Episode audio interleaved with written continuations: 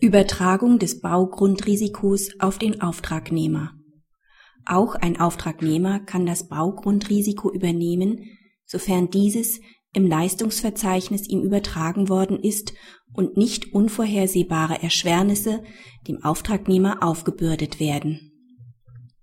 Der öffentliche Auftraggeber beauftragt den Auftragnehmer mit der Teilerneuerung eines Brückenbauwerks. Dabei stellt sich während der Ausführung heraus, dass das Traggerüst nicht mit einfachen Straßenbauplatten, sondern mit Rammpfählen gegründet werden muss.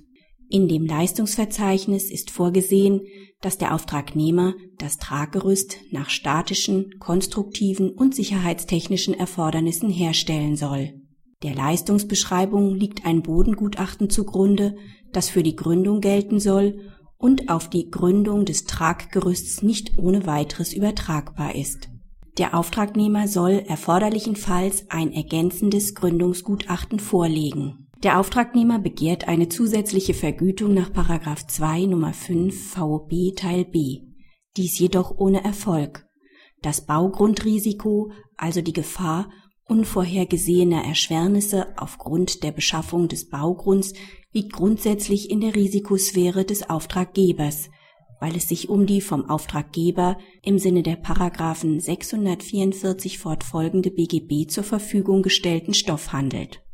Dem Auftragnehmer darf insoweit kein ungewöhnliches Wagnis aufgebürdet werden, es sei denn, der Auftragnehmer hat von der Möglichkeit Gebrauch gemacht, dem Auftragnehmer das Baugrundrisiko vertraglich aufzubürden. Verwirklicht sich das Baugrundrisiko, stehen dem Auftragnehmer Vergütungsansprüche nur zu, wenn die Erschwernisse für ihn unvorhersehbar waren, was jedenfalls dann nicht der Fall ist, wenn sie für den Auftragnehmer aufgrund einer Inaugenscheinnahme oder lückenhaften Ausschreibung erkennbar gewesen sind. Die Auslegung des Leistungsverzeichnisses ergibt aber bereits, dass der Auftragnehmer dieses Risiko übernommen hat, weil er das gesamte Bauwerk nach statischen und konstruktiven Erfordernissen herstellen soll und konkret im Hinblick auf das Baugrundgutachten dem Auftragnehmer empfohlen wird, ein weiteres Gründungsgutachten einzuholen. Wenn er dieses nicht tut und auch nicht vorher entsprechende Überprüfungen hinsichtlich der Bodenverhältnisse unternimmt und dennoch für diese Position einen Preis anbietet, kann er keine Mehrvergütung verlangen.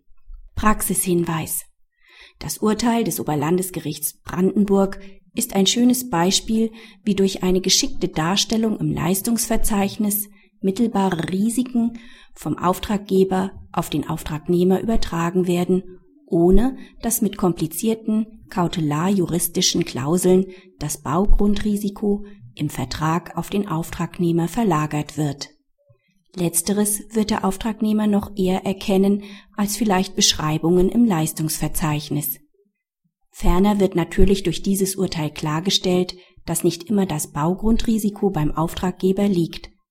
Maßgeblich sind die konkreten Vertragsgrundlagen und Vereinbarungen. Verallgemeinerungen haben im Baurecht nichts zu suchen. Auf der anderen Seite darf auch nicht in diesem Zusammenhang das Urteil des BGH verkannt werden, dass nicht eine lückenhafte oder widersprüchliche Ausschreibung als solches zur Risikoverlagerung auf den Auftragnehmer führt, vielmehr muss die Risikoverlagerung das Ergebnis einer ordnungsgemäßen Auslegung nach den Paragraphen 133, 157, 242 BGB sein. Dies scheint das Urteil des Oberlandesgerichts Brandenburg in einzelnen Passagen nicht ganz so darzustellen